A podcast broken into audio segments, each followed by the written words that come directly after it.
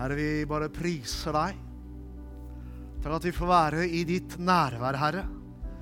Takk at du fridde oss ut fra mørkets makt, og du satte oss over i din elskede sønns rike. Og takk at derfor vi leve i samfunn med deg, Jesus. Samfunn med deg, Fader Gud. Og samfunn med deg, gode Hellige Ånd. Priser deg, Herre. Takk, Jesus, at du er her i kveld sammen med oss. Eh, for ditt ord sier at der hvor to eller tre er samlet i ditt navn, der er du, Jesus, midt iblant dem. Og jeg ber om at du også være hos de som sitter og ser på streaming, Herre. Takk at du er også der, Hellige Ånd. Og jeg ber om at du taler til oss i kveld, at du åpner ditt ord for oss i kveld. Åpenbarer din vilje, Herre, for oss, Fader Gud. Jeg ber også om at du velsigner hver og en, både den som sitter hjemme, eller ser på telefonen eller på PC-en, Herre. Og velsign hver og en som er her på møte i kveld, Fader Gud. Vi priser deg. Vi tilber deg, Herre, og vi ærer ditt navn, Jesus. Halleluja. Og alt folket sa? Amen.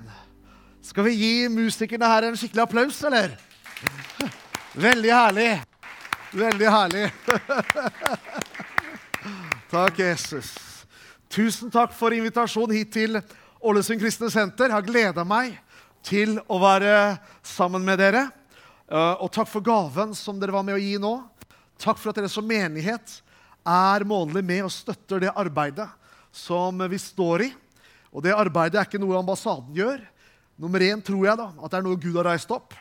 Og nummer to det er eh, Jesu menighet, Guds kirke, som står sammen om å gjøre det, det som vi gjør, eh, som en tjeneste overfor det jødiske folket. Halleluja! Eh, før jeg går til Guds ord, og det skal vi gjøre For det vi kan bygge på i livet, det er Guds ord. Og Jesus han lærer oss at hvis du ikke bygger på Guds ord, da bygger du på sand. Det er det han sier. Bygger du på Guds ord, da bygger du på fjell.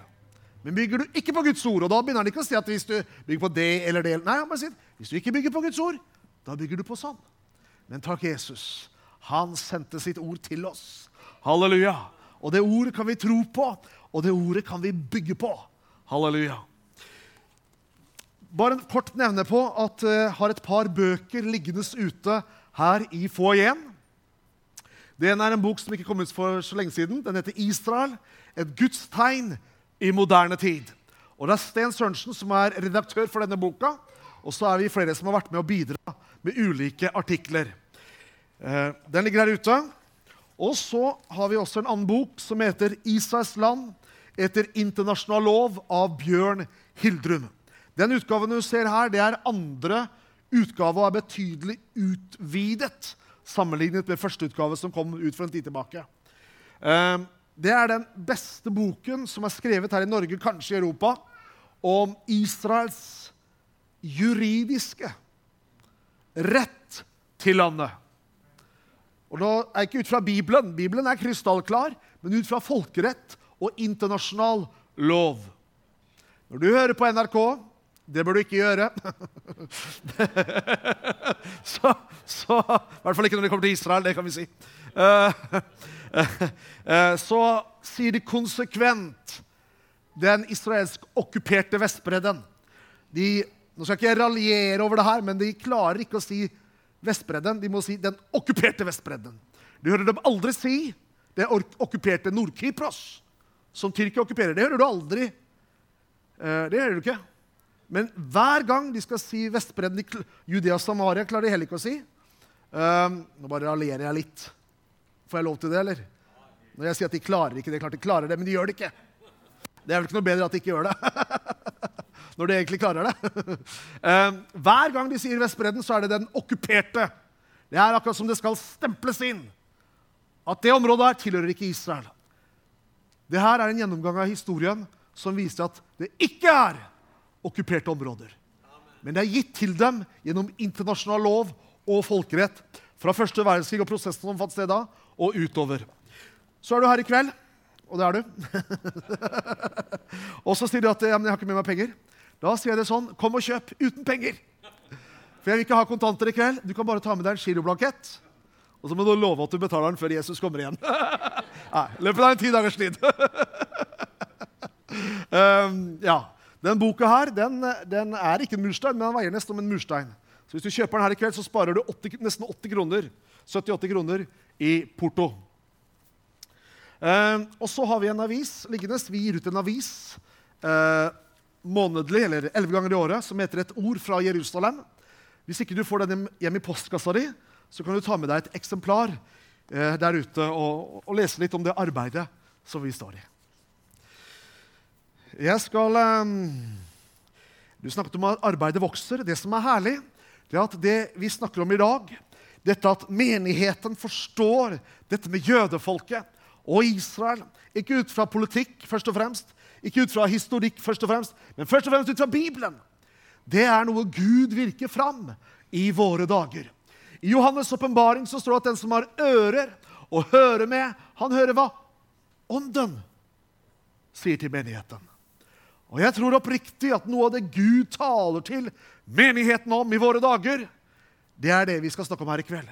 Det er dette folket og denne nasjonen som Gud har utvalgt på en spesiell måte. Hvorfor er det da slik at vi har ikke, vi har ikke Tysklandsmøte her i kveld? Aldri hørt om noen menighet som liksom nå skal vi ha vi skal ha Sverige-møte på søndag. Aldri hørt om det. Men det er mange menigheter som sier at vi skal ha Israelsmøte. Og hvorfor er det sånn at i menigheter, enten du går til høyre eller venstre, holdt jeg på å si, enten du går i det ene konfesjons eller andre konfesjon eller kirkesamfunnet, så er det kristne som er opptatt Hvorfor er, av dette folket. Hvorfor er det sånn? Jo, fordi Bibelen taler så mye om dette folket. Bibelen taler så mye om denne nasjonen. Og faktum er at ingen av oss hadde vært her i kveld. Ingen av oss hadde vært på vei til himmelen uten det folket. For frelsen kommer fra jødene. Eh, og det pågår i dag en, en, et, et virke av Gud hvor Gud åpner dette for kirken sin, menigheten sin. Historisk så har Kirken forfulgt jødene. Det er en mørk historie. Jo mer du studerer hvordan Kirken har behandlet jødene i nesten 2000 år, jo mer eh, bedrøva kan du bli. For det er en tragedie av en historie. Men i våre dager så er det for første gang i historien millioner av kristne som ber for dette folket. Som velsigner dette folket som er i kveld. Som har et hjerte for denne nasjonen. Det handler ikke om politikk. Det handler om Guds rike. Guds verk i menigheten i våre dager. Jeg var For noen måneder tilbake, eller i fjor høst så var jeg i en, en av de største muslimske nasjoner i verden. Eh, og for første gang så, jeg, så, ble det holdt et seminar, et lederseminar om Israel for kristne ledere i det landet. Uh, og ved, den, de som sto i spissen for det her, var sånn, vært på meg og sagt du må komme og undervise om Israel til oss. Vi ønsker å være med og pionere dette inn i Guds rike i vårt land. Og Dette var altså et svært muslimsk land, men det var kristne ledere. Og jeg, og jeg gleder meg til å reise dit. Du skjønner at det var nedover og ikke oppover? Reiste nedover dit. og, og, um, og når helga kom, eller når dagene kom, så var det ca. 600 pastorer til stede. Og Det hadde aldri skjedd i landets historie før at det hadde vært undervisning for ledere om dette folket. Og jeg fikk meldinger tilbake etterpå fra de som sto i bresjen for deg, at eh, de, de var glade. Folkene, lederne var begeistra. Og det er herlig, vet du midt i et samfunn hvor det ikke er så mye begeistring for Israel, så opplevde pastoren og lederne å få noe som at det her tror vi på. Vi vil velsigne jødene. Vi som bor midt i et nasjon som ikke velsigner Israel, for å si det forsiktig. Vi vil velsigne Israel. Halleluja! Det er Gud! Det er Gud som går fram i våre dager. Du kan dra til Amerika. Du kan dra til Sør-Amerika. Du kan dra til Afrika. Du kan dra til Europa. Det trenger du ikke, for der er du. Du kan dra til Asia, og du vil finne kristne som velsigner Israel. Eh, jeg skal begynne med å lese et vers fra første Mosebok, kapittel 12. og Det er veldig kjente vers. Eh, første Mosebok, kapittel 12. Og det er her Gud kaller Abraham. Gud taler til Abraham en rekke steder eh, som vi leser om. Men i kapittel 12 så ser vi oppdraget og, noe, av, noe av rammeverket som Gud gir rundt kallet til Abraham.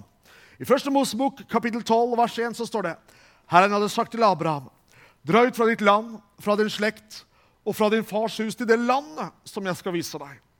Jeg skal gjøre deg til et stort folk. Jeg skal velsigne deg og gjøre ditt navn stort, og du skal bli en velsignelse. Jeg skal velsigne dem som velsigner deg, og jeg skal forbanne den som forbanner deg. Og i deg skal alle slekter på jorden bli velsignet. Og Det siste jeg leste, det var hele hensikten. I deg skal alle slekter på jorden bli velsignet. Og det leser du Nå bare, kan, nå bare siterer jeg. Dette leser du i første Mosebok 1818. Der gjentar Gud det. Han gjentar det i første Mosebok 2218. Og han sier det til Isak, Abrahams sønn, i 1. Mosebok kapittel 26, vers 4. Og han sier det til Jakob, 1. Mosebok kapittel 28, vers 14. Du skal bli en velsignelse for alle jordens slekter. Det går igjen og igjen. Gud bekrefter det i sitt ord. Hensikten med dette folket er å være en velsignelse for hele verden. Nettopp derfor har Satan den onde fremstilt dem som demoner. Han har fremstilt dem som en forbannelse. Han har fremstilt dem som en trussel. De tar jobbene våre, de tar pengene våre, de tar makten over media. De, tar, de, de er en ødeleggelse. Gjennom hele historien så har djevelen løyet om dette folket. Fordi Guds hensikt Tar du bilde? Fordi Guds hensikt har vært at de skal være en velsignelse. Guds agenda er å velsigne verden. Så forsøker fienden, som er en løgner, å fremstille dem som en ødeleggelse. Du leser det i de første, bokene, de første kapitlene i Bibelen når de går ut fra Egypt, og de reiser gjennom ørkenen på vei mot løfteslandet. Så spør de, så spør jødene folket, kan vi få gå gjennom deres land. Vi skal ikke røre buskapen. Vi skal ikke spise, Vår fe, fe vårt skal ikke spise gress osv. Og, så og så sier kongene nei. Hvis de kommer hit, så kommer de til å starte krig. De kommer til å være en ødeleggelse. Det ser du, det går igjen, igjen og igjen i Bibelen. Hvorfor det? Fordi fienden hater dette folket. Og han vil fremstille dem som en ødeleggelse. Se på karikaturtegninger både historiske og fra nazismen, også i den muslimske verden. Du ser de er med klør, de ser ut som demoner. Jøder demoniseres. Hvorfor? Fordi fienden hater dem. Han vet at de er en velsignelse for verden. En Guds velsignelse for verden. Og Derfor vil han vel fremstille dem som en trussel for menneskene.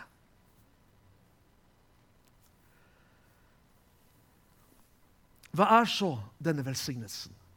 Når Gud sa til Abraham, 'I deg skal alle slekter på jorden bli velsignet'.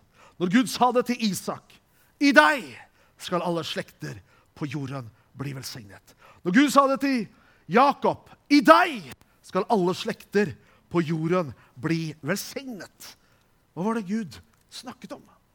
Hva var det Gud talte om? På hvilken måte skulle dette lille folket, for det er ikke noe stort folk, Eh, på hvilken måte skulle dette folket være en velsignelse for alle jordens slekter? For alle verdens nasjoner og familier så skulle dette folket være en velsignelse. Paulus han slår det fast. Han slår det fast i Galaterbrevet, kapittel 3, vers 16. Nei, unnskyld, ikke 16.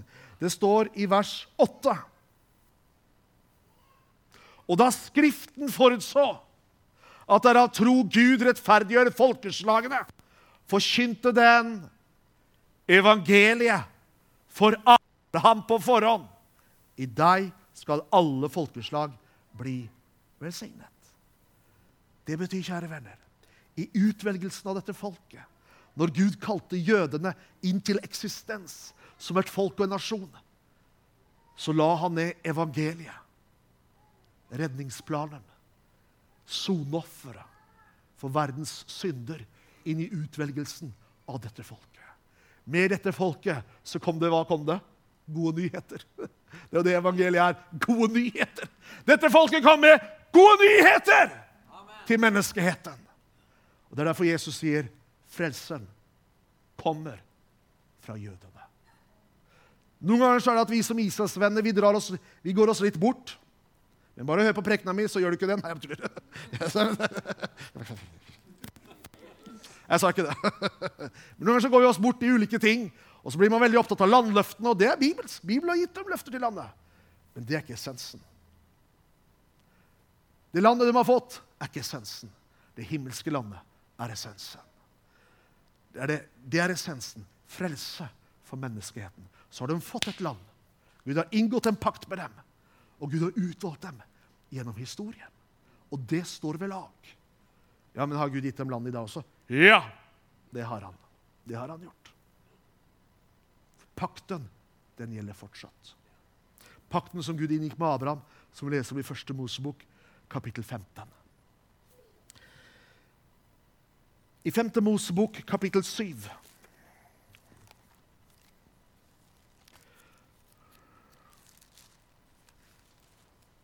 Femte Mosebok, kapittel 7.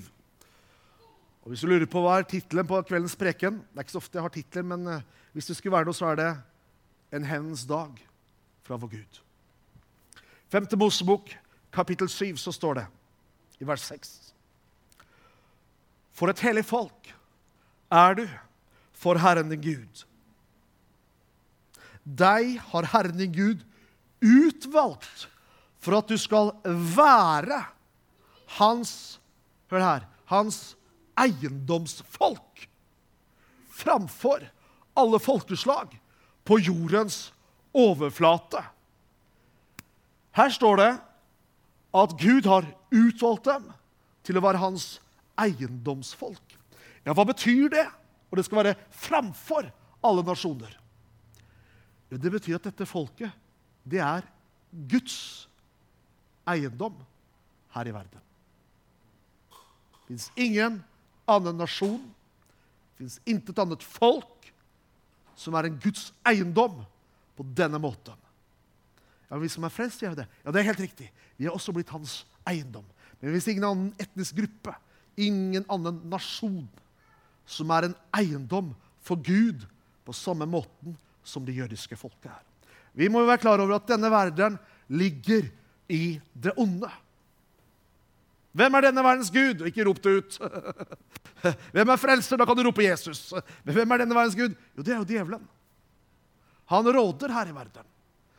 Men når vi går fram som Kristi ambassadører, så, så driver vi han tilbake. Når Guds rike blir forkynt, og Guds ord blir forkynt. Denne verden ligger i det onde, og Gud utvalgte dette folket som et redskap og som et kontaktpunkt mellom himmelen og jorda. Mellom Jesus, mellom Faderen, Den hellige ånd og menneskeheten. Et kontaktpunkt hvor Gud kunne nå deg og meg. Og Han uttalte dem som et redskap for sin hensikt. Og Vi skal lese fra Romerbrevet, kapittel 11. Paulus han underviser om jødene i Romerne kapittel 9, 10 og 11. Det er ganske interessant. Um, når Paulus skriver dette brevet til menigheten i Rom, så har jødene vært nektet innreise til Rom over en tid og en periode. Og det er interessant at I menigheten i Rom Paulus sier, har da Gud forkastet folk? Nei, langt derifra, sier han. Gud har ikke forkastet sitt folk, det folk kan ha vedkjent seg.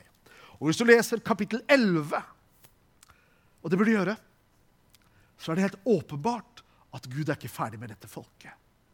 Det var ikke sånn at det var fram til Jesus, og så var det slutt. Nei, nei, nei. nei, nei. Det var fram til Jesus, ja, og så videre. Så var det en epoke de var fordrevet.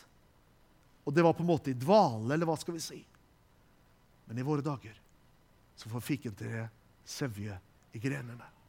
Og Gud bringer dette folket tilbake. Og han er ikke ferdig med dem.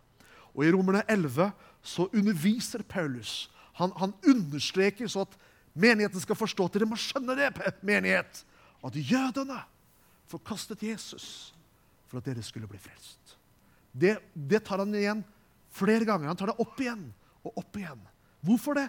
Jo, fordi at de skulle forstå at når, de forkast, når jødene forkastet Jesus, så var det til redning for dem som menighet.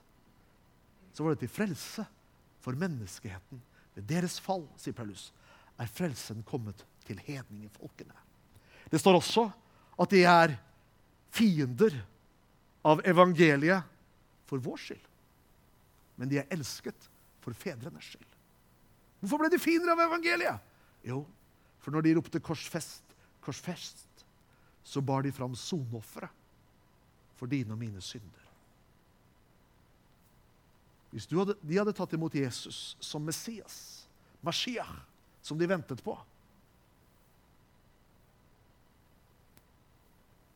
Så hadde vi alle sammen vært fortapt. Men takk Gud, de brakte fram soneofferet. Ikke for bare sine synder, men dine og mine synder også. Frelsen kommer fra jødene. Romerne 11 så sier Paulus han avslutter undervisningen om jødene på følgende måte. Eh, vi kan lese fra vers 30. For på samme måte som dere en gang var ulydige mot Gud, altså dere kristne, dere menighet, kirke, men og likevel har fått miskunn ved deres ulydighet. Her tar han det igjen. Han sier det igjen, han tar det igjen og igjen. Dere har fått miskunn ved at de var ulydige. Det er et mysterium, nesten. eller det er forunderlig. Eller det er underfylt. De var ulydige, og vi fikk frelse. De sa korsfest, og vi ble frelst. Det er det han sier her. Men allikevel likevel har fått miskunn ved deres ulydighet, slik har også disse andre nå vært ulydige, altså, disse, altså jødene, for at de skal få miskunn ved den miskunn som er vist dere. Med andre ord, de behøver frelsen, og de kommer til å få den. På samme måte som du trengte frelsen, så behøver også jødene den. Abrahamspakten la grunnlaget for frelsesverket. Men det er ikke frelse for jødene i Abrahamspakten. Det er bare i navnet Jesus.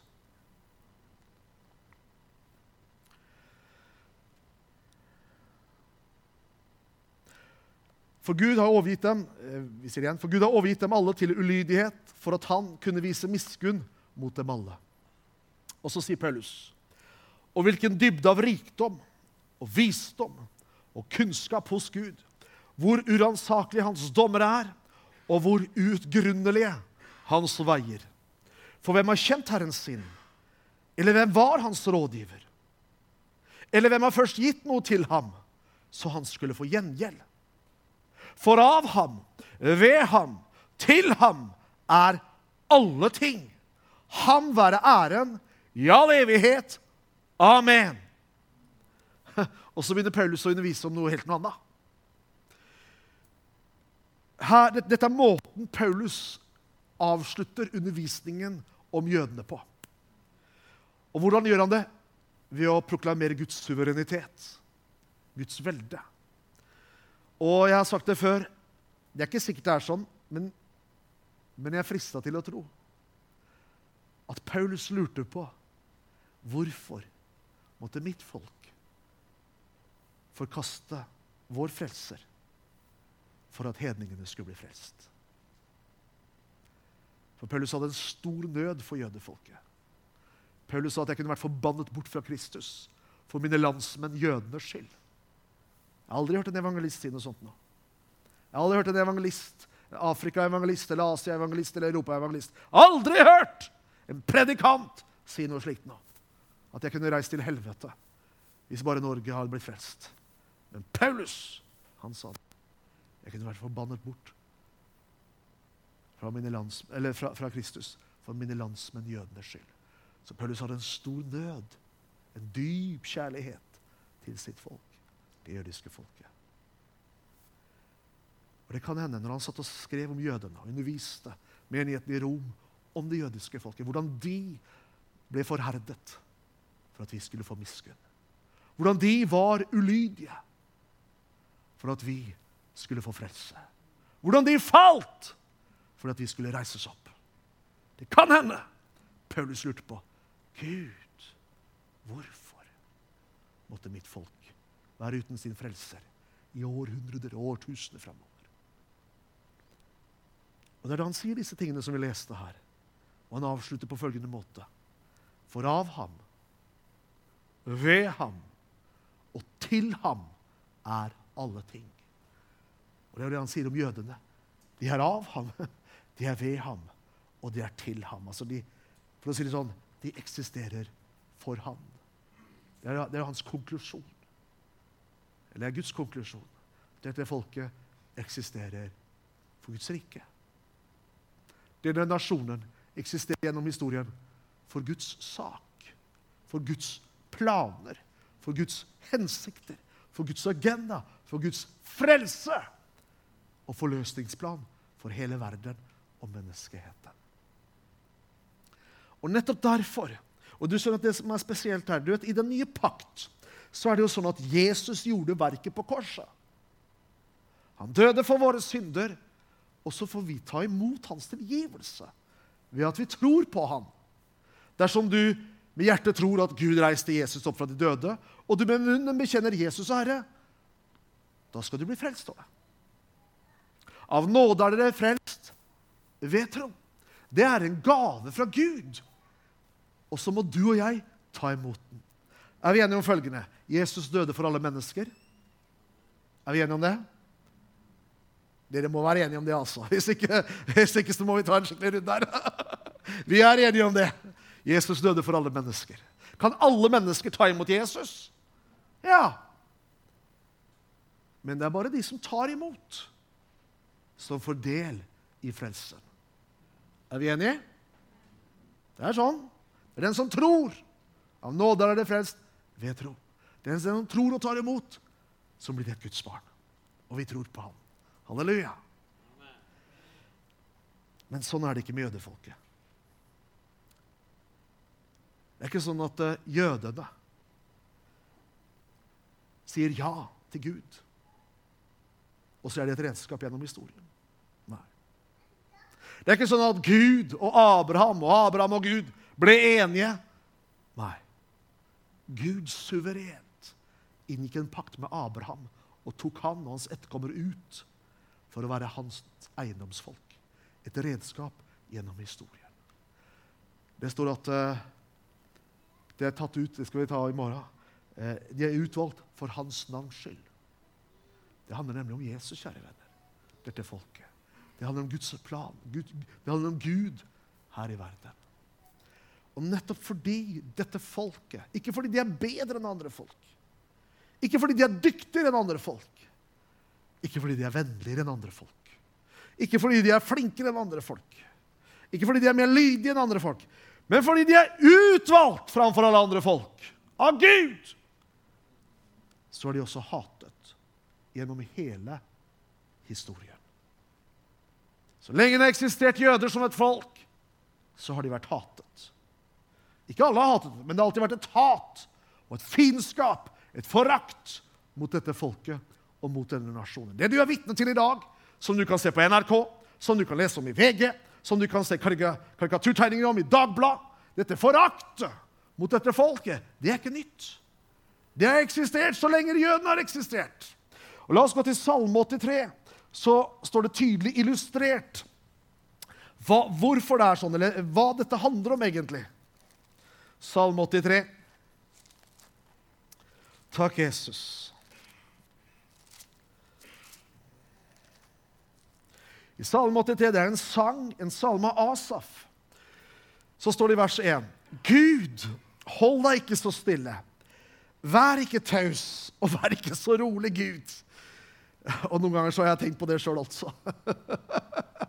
Når jeg har sittet opp gjennom åra. Jeg var en 15, 16, 15 år når jeg begynte å bli interessert når det gjaldt Israel. Og jeg skal være ærlig og si det sånn at når jeg satt og så på Odd Karsten Tveit stå på en NRK Nei, jeg skal ikke gjøre det her. Om israelske soldater.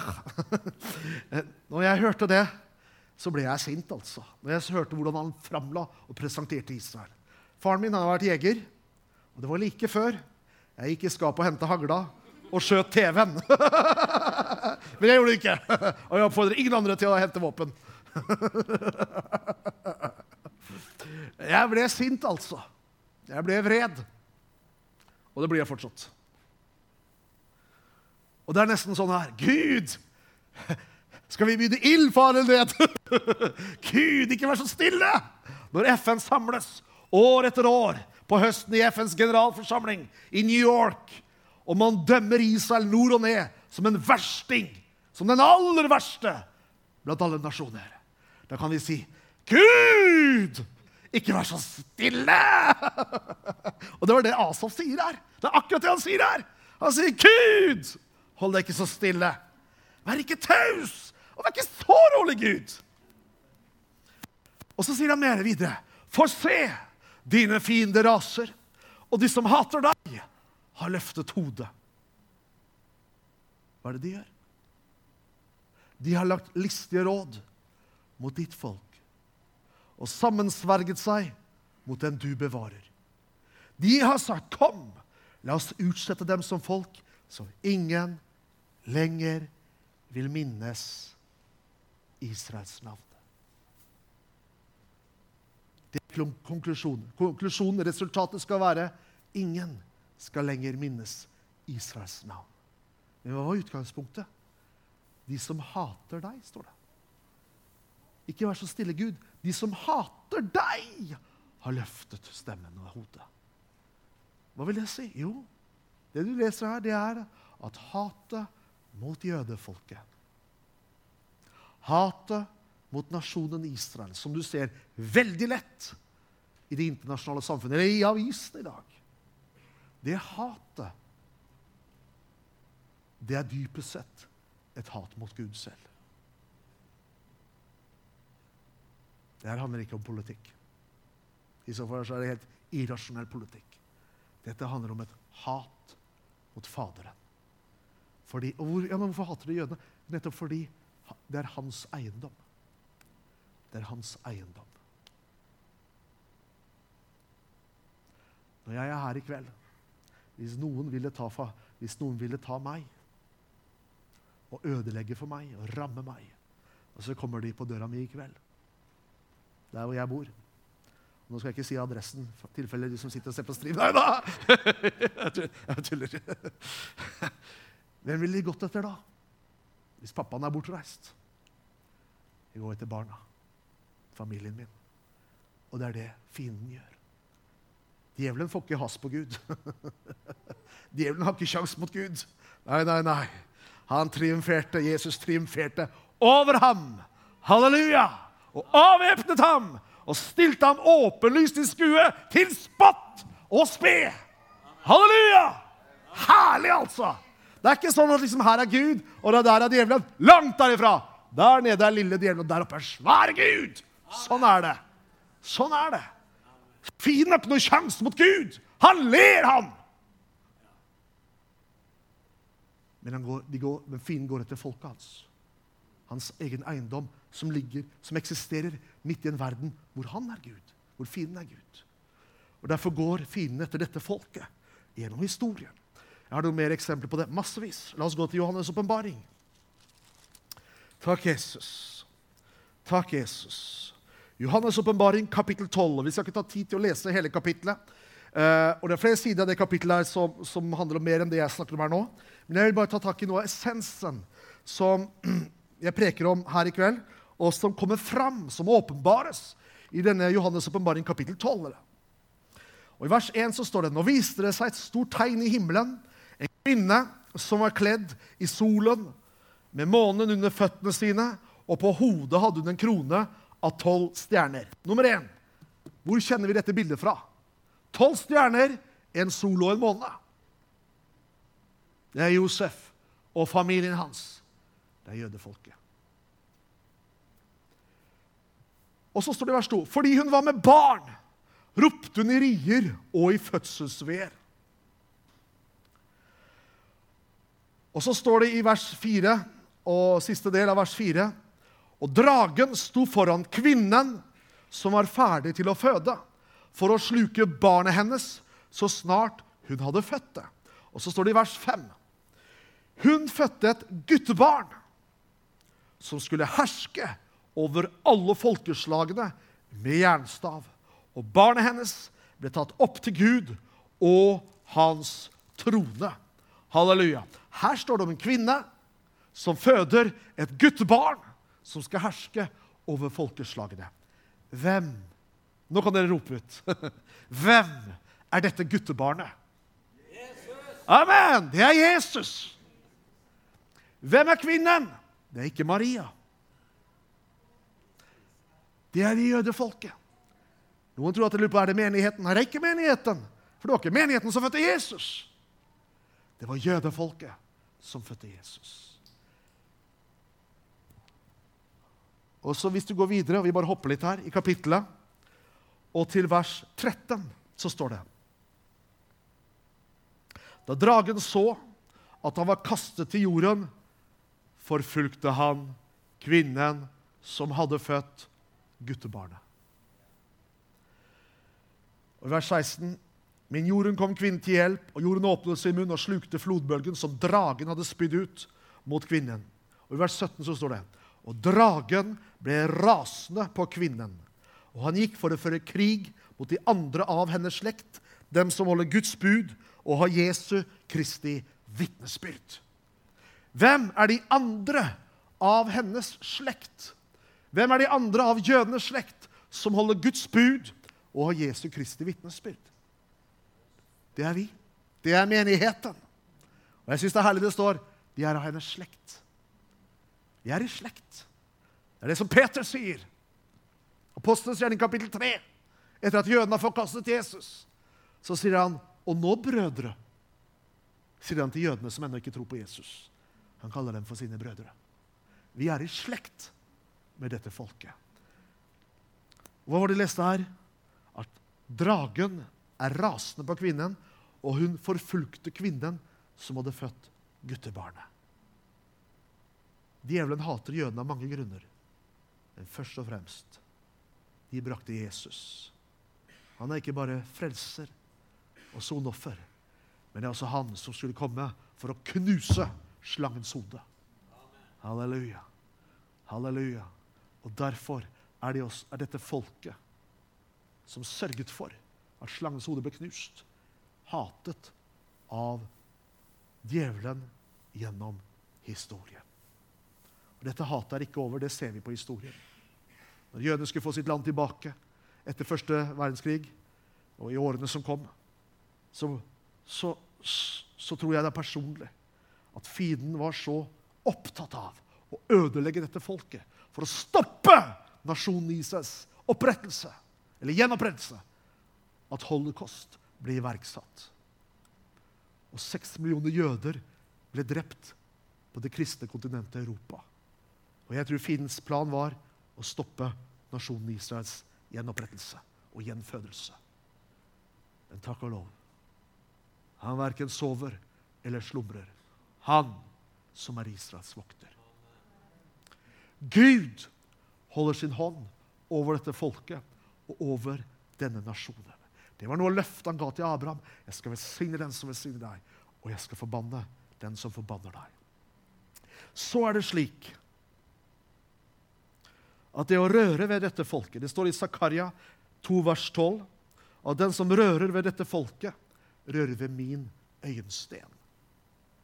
Og øyensten det er liksom ikke bare en rubin eller liksom, liksom kjærkommen stein. øyesten, det er øyeeple.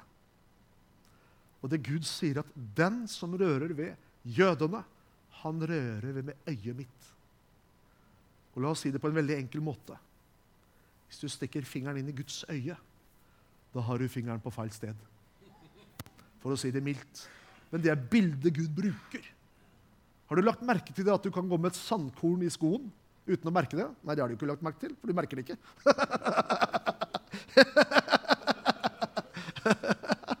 Men sånn er det. Du kan gå med et sandkorn i skoen, og du merker det ikke engang. Men får du et sandkorn på øyet ditt, så gjør du hva som helst til det er borte. Det bildet er det Gud bruker for den som trakasserer de jødene. Ja, er det virkelig det? Ja, det er akkurat det han gjør. Det bildet. Så vil jeg si litt om dette med Guds dom over den og de som rører ved dette folket. Og nå kan det godt hende at du er uenig med meg. Eh, og blant Israels venner i Norge og Jeg vet ikke om jeg har prekt om det her før. Offentlig. Pleier ikke å preke hjemme, da. jo, jeg gjør det òg.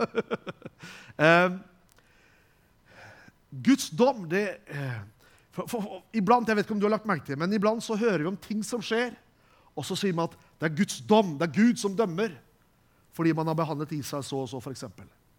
Det går igjen og igjen. Stadig vekk så møter jeg på kristne og sier ja, nå vil Gud dømme Norge.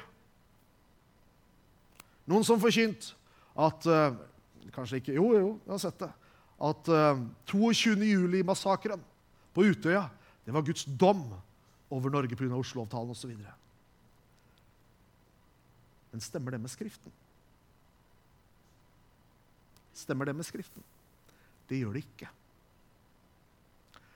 La oss lese Lukas. Eller la oss først gå til Jesaja kapittel 61. Jesaja kapittel 61. Takk, Jesus. Takk, gode Hellige at du bare åpner ordet for oss nå.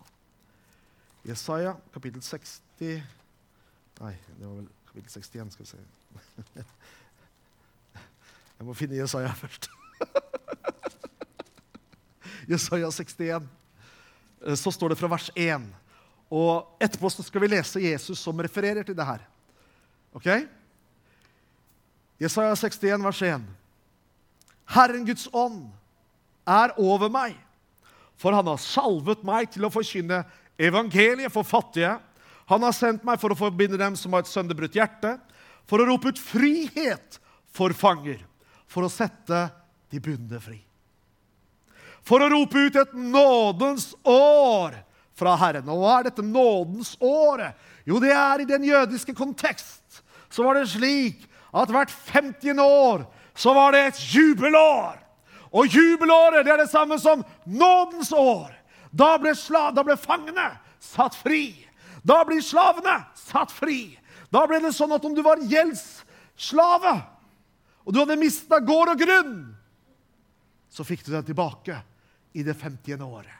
Et herlig bilde på Jesu verk på korset.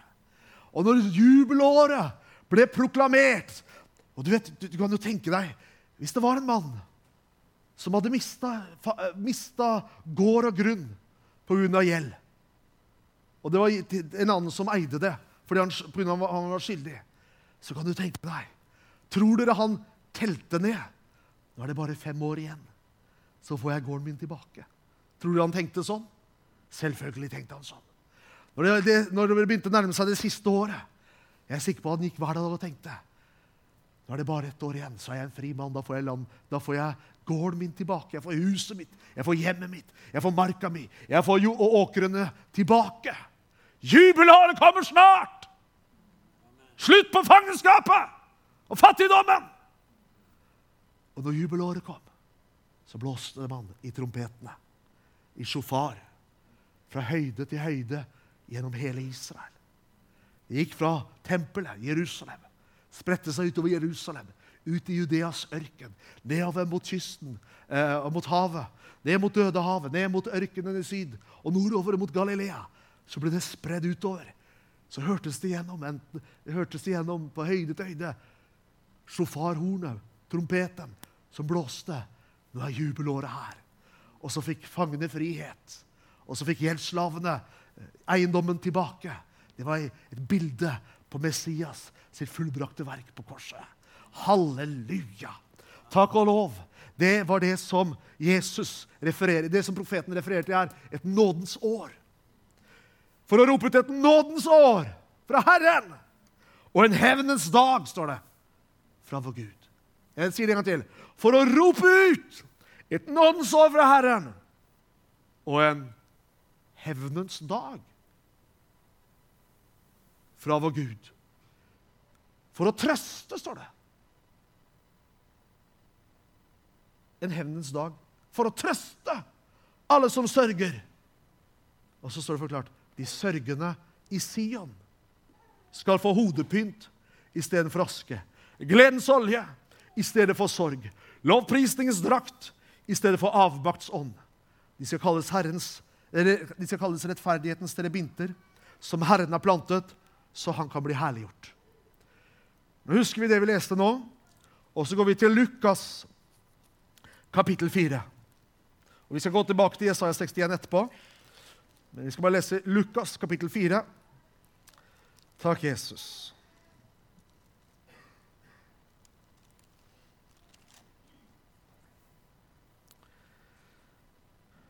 Lukas 4, og der leser vi Vi kan lese fra vers 16. Så kom han, altså Jesus, til Nasaret, hvor han hadde vokst opp. Og som han hadde for vane, gikk han inn i synagogen på sabbatsdagen, og han sto fram for å lese. Og de ga han profeten Jesajas bok. Og da han hadde åpnet boken, fant han stedet hvor det var skrevet. Husk på at dette er begynnelsen av Jesus sitt virke.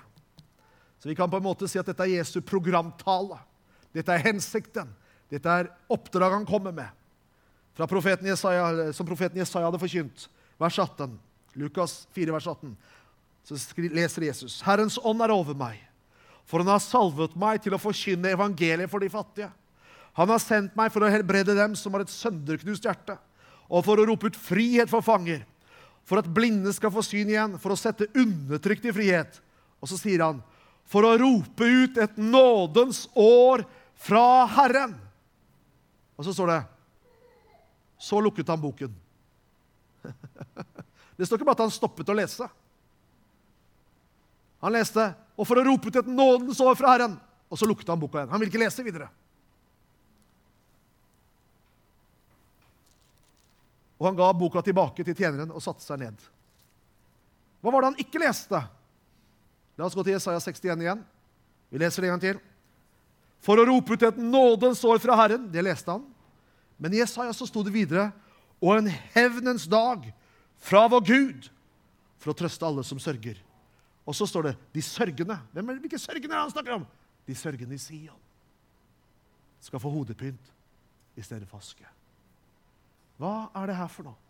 Jo, Jesus han proklamerer at hans komme det er sjofarlyden, det er trompetlyden.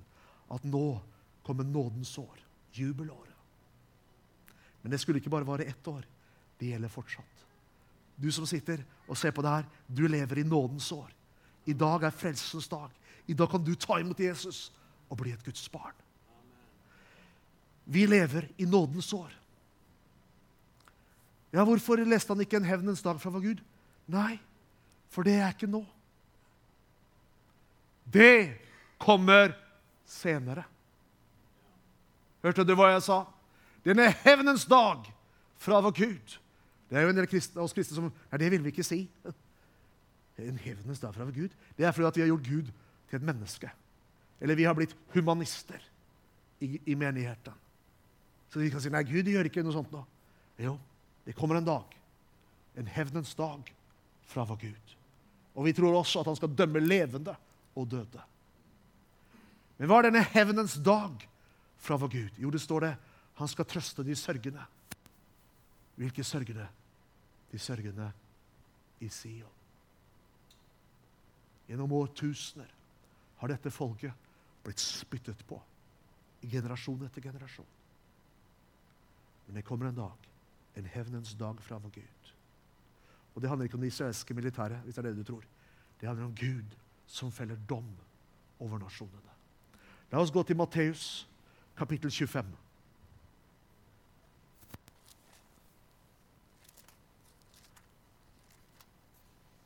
Og er, jeg skal være ærlig med deg og si at Når jeg leser det kapittelet, her, så er det flere sider av det kapittelet som jeg ikke har lys over. Men essensen i denne sammenhengen er allikevel klar. Yes, Matteus kapittel 25. Han kom jo først for å bringe nådens år, og det året gjelder fortsatt. Men så står det i vers 31, og det er andre gangen han kommer. Når menneskesønnen kommer i sin herlighet, og alle de hellige englene med ham, da skal han sitte på sin herlighets trone. Du skjønner det? At når Jesus kommer tilbake, så kommer han ikke som et lite, unnselig guttebarn. Han kommer ikke på en sånn måte at det er bare noen gjetere der ute på markene som ser han, mens alle andre sover. Er når han kommer, så skal hvert øye se ham. Og han kommer ikke som hvem som helst, men han kommer som kongenes konge og herrenes herre. Han kommer som løven av Judas stamme. Og det står at han skal sitte på sin herlighetstrone. Og alle folkeslagene skal bli samlet framfor ham. Og han skal skille dem fra hverandre, slik som en gjeter skiller sauene fra geitene. Og han skal stille sauene ved sin høyre side, men geitene ved sin venstre. Så skal kongen si til dem ved sin høyre side, Kom, dere som er velsignet av min far. Arv det rike som er gjort ferdig for dere fra verdens grunnvoll ble lagt. For jeg var sulten, og dere ga meg mat. Jeg var tørst, og dere ga meg drikke. Jeg var en fremmed, og dere tok imot meg. Jeg var naken, og dere kledde meg. Jeg var syk, og dere besøkte meg. Jeg var i fengsel, og dere kom til meg. Da skal de rettferdige svare ham og si, Herre, når så vi deg sulten og mettet deg, eller tørst og ga deg å drikke? Når så vi deg som en fremmed og tok imot deg, eller naken og kledde deg? Eller når så vi deg syk eller i fengsel og kom til deg? Og kongen skal svare og si til dem, sannelig sier jeg dere, alt det dere gjorde mot en av de minste av disse mine brødre eller søsken, det gjorde dere mot meg. Da skal han også si til dem ved den venstre side, gå bort fra meg, dere som er forbannet, til en evig ild som er gjort ferdig for djevelen og hans engler. For jeg var sulten, og dere ga meg ikke å spise. Jeg var tørst, og dere ga meg ikke å drikke. Jeg var en fremmed, og dere tok ikke imot meg. Jeg var naken, og dere kledde meg ikke. Jeg var syk og i fengsel, og dere besøkte meg ikke. Da skal også de svare ham og si, Herre, når så vi deg sulten eller tørst eller som en fremmed, eller naken eller syk eller i fengsel, uten å tjene deg? Da skal han svare dem og si, sannelig sier dere, alt det som dere ikke gjorde. Så dere? Alt det som dere ikke gjorde mot en av disse minste det gjorde dere heller ikke mot meg. Og disse skal gå bort til evig straff, men de rettferdige til evig liv. Så er spørsmålet hvem er disse Jesu minste brødre? Ofte når man eh, refererer til disse versene, så refererer man til eh, eller Så henviser man f.eks. til nødhjelp. Å hjelpe de som er trengende. Eh, eller, eller, andre lignende ting. Og, og, jeg skal være forsiktig. Det er sjelden jeg er. Nei da. Jeg skal være forsiktig med å slå noe bombastisk og dogmatisk fast på hvem er Jesu minste brødre. Jeg skal, jeg skal være forsiktig. Men jeg er likevel overbevist om at det er det jødiske folket. Jesu minste brødre, det er dette folket som har blitt tråkket på i årtusener for at de skulle være en velsignelse for hele verden. De har blitt hatet gjennom alle generasjoner. Det har alltid vært en uh, Haman. Det har alltid vært en Goliat. Det har vært en Hitler. Det har vært en Arafat. Det har vært en Ahmadinejad. Det har alltid vært noen gjennom generasjonene som vil ødelegge dette folket. Det har alltid vært krefter som vil dette folket til livs og ramme dem med det som er ondt, selv om de er en velsignelse for hele verden. Og Jesus lovte, eller Profeten lovte det kommer en hevnens dag for å trøste de sørgende i Sion. Og det er det som finner sted her. Da Gud dømmer nasjonene. Ikke ut fra det ene eller det andre, men ut fra hvordan de behandlet hans minste brødre. Hvis du går med meg til profeten Joel, og jeg tror personlig at det taler om det samme som vi leser om i Matteus kapittel 24, nei, 25, så står det i vers 6 eh, Rom, uh, Joel kapittel 3 vers 6 så står det Kanskje du kan spille litt på, på, på keyboardet? Um, I vers 6 så står det For se, i de dager og på den tiden, Når jeg fører de bortførte av Juda og Jerusalem Eller til, når jeg fører tilbake de bortførte av Juda og Jerusalem, da skal jeg samle alle folkeslagene. Og føre dem ned i Josjafats dal. Der skal jeg holde dom over dem for mitt folk og min arv, Israels skyld. Fordi de spredte dem blant folkeslagene, og fordi de delte opp mitt land. Her står at Gud skal samle folkeslagene, og han skal holde dom over dem. Og kriteriet er hvordan den behandlet jødene. Jeg tror personlig det er det samme som Matteus 25. At Jesus samler nasjonene. Og han skiller fårene fra geitene. Og kriteriet er igjen hvordan dere har behandlet mine minste brødre. Jesu egne brødre. Jeg tror ikke det handler om uhjelp eller nødhjelp, selv om Gud kaller oss til det. Jeg tror det handler om det det står om her, som vi leste om i profeten Joel. Han skal dømme dem for Israels skyld. En hevnens dag fra vår Gud for å trøste de sørgende i Sion. Gud skal godtgjøre. Han skal straffe nasjonene ut fra all den lidelse dette folket har dratt med seg eller opplevd gjennom historien. Og Det er viktig at vi som er venner av Israel, står på Bibelen som grunn. Og jeg tror at når vi skriver i aviser, når vi roper ut at det er Gud som dømmer Nei, det er det ikke. For den dagen har ikke kommet ennå. Den kommer til å komme senere. Og det forunderlige er Eller det er ikke forunderlig, det understrekes. I dette kapittel 3, som begynner med hvordan Gud skal dømme nasjonene, så står det i vers 25, siste avslutningen av kapittelet, eller av boka Joel. Men i Juda skal det bo folk til evig tid, og i Jerusalem fra slekt til slekt. Og så står det For jeg skal hevne deres blod, det jeg ikke allerede har hevnet.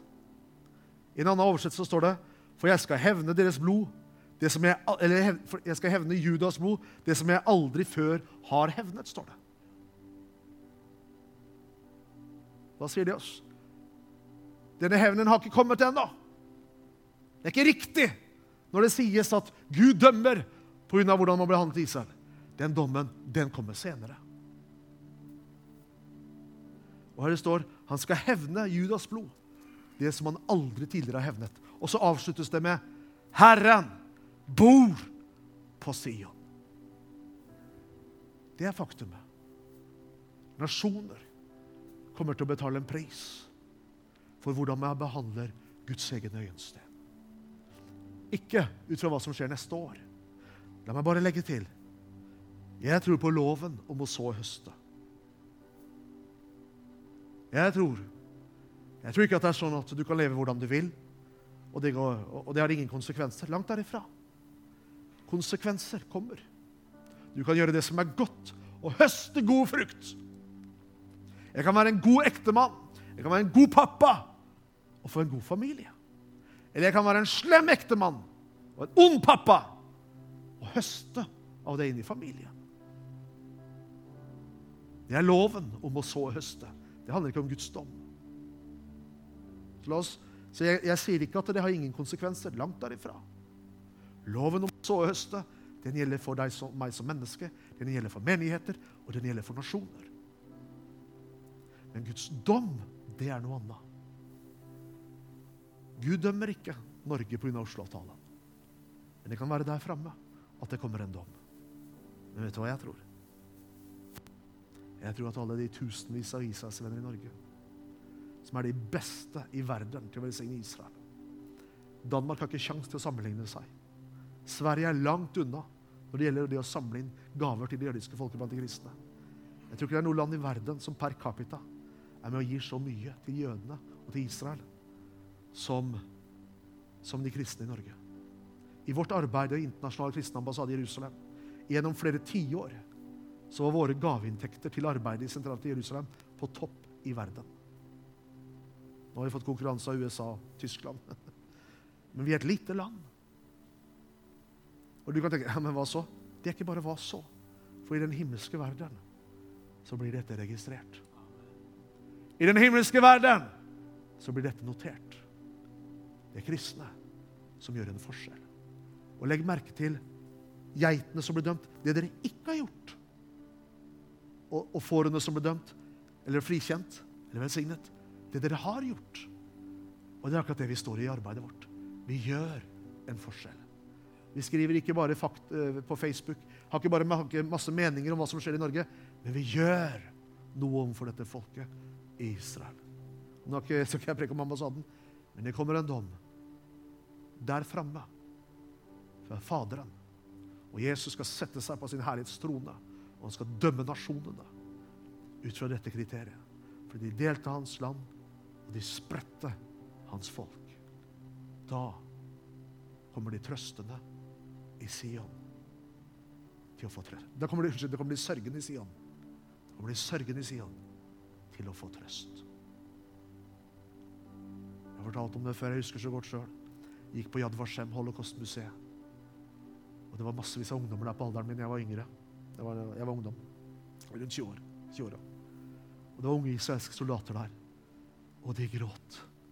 Og de gråt. Og de gråt. De var de sørgende i Sion. Men det kommer en dag da Herren skal trøste dem. Og det blir ikke bare trøst, men det blir også en hevnens dag fra vår Gud. Så Gud hjelpe oss som menigheter. At vi kan være en sannhetens støtte og grunnvoll i nasjonen. Det er ikke godt når menigheten er tyste, når nasjonen forbanner Israel. Det er ikke godt når kirken er taus, når fienden rammer jødefolket og Israel. Det er ikke godt. For det er vi som er sannhetens støtte og grunnvoll i nasjonen. Himmelske Far.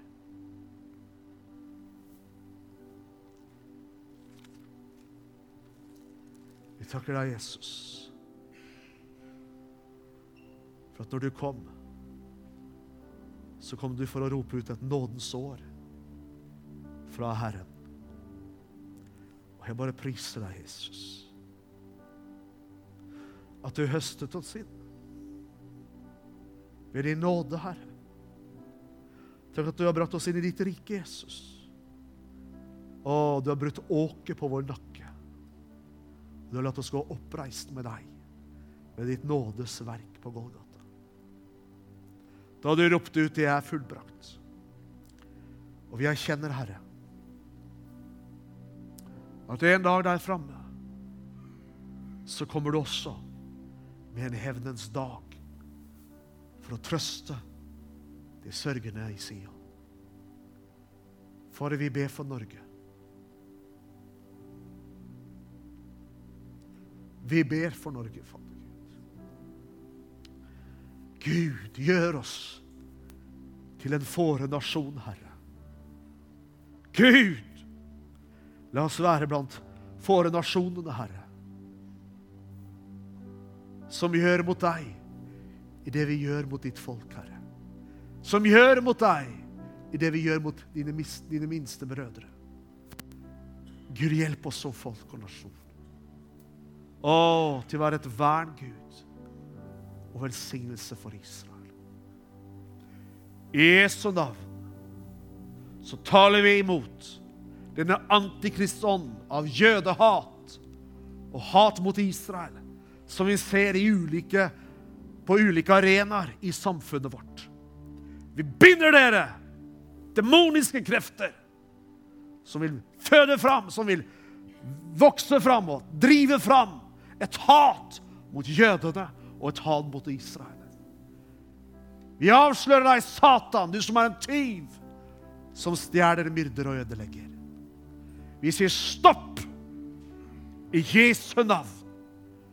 Og vi forkynner at vår nasjon skal være en nasjon som velsigner jødene.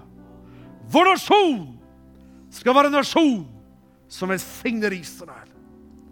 Og vi ber Fader Gud om at menigheten ikke skal sove, men skal være en vekter på murene til Jerusalem.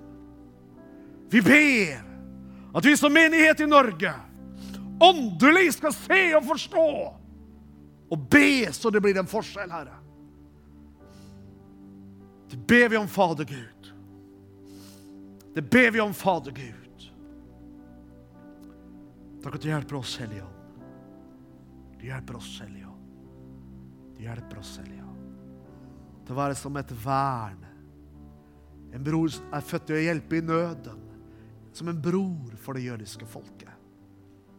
I denne tid. Vi ber for løvehyttefestet. Som kommer om noen dager nå i Jerusalem. Hvor tusener av kristne samles. Far, jeg ber at du ved din ånd skal åpenbare Gud for nasjonen Israel. I Jerusalem Post, i, US, ulike israelske TV-kanalene, i de ulike nettavisene og avisene.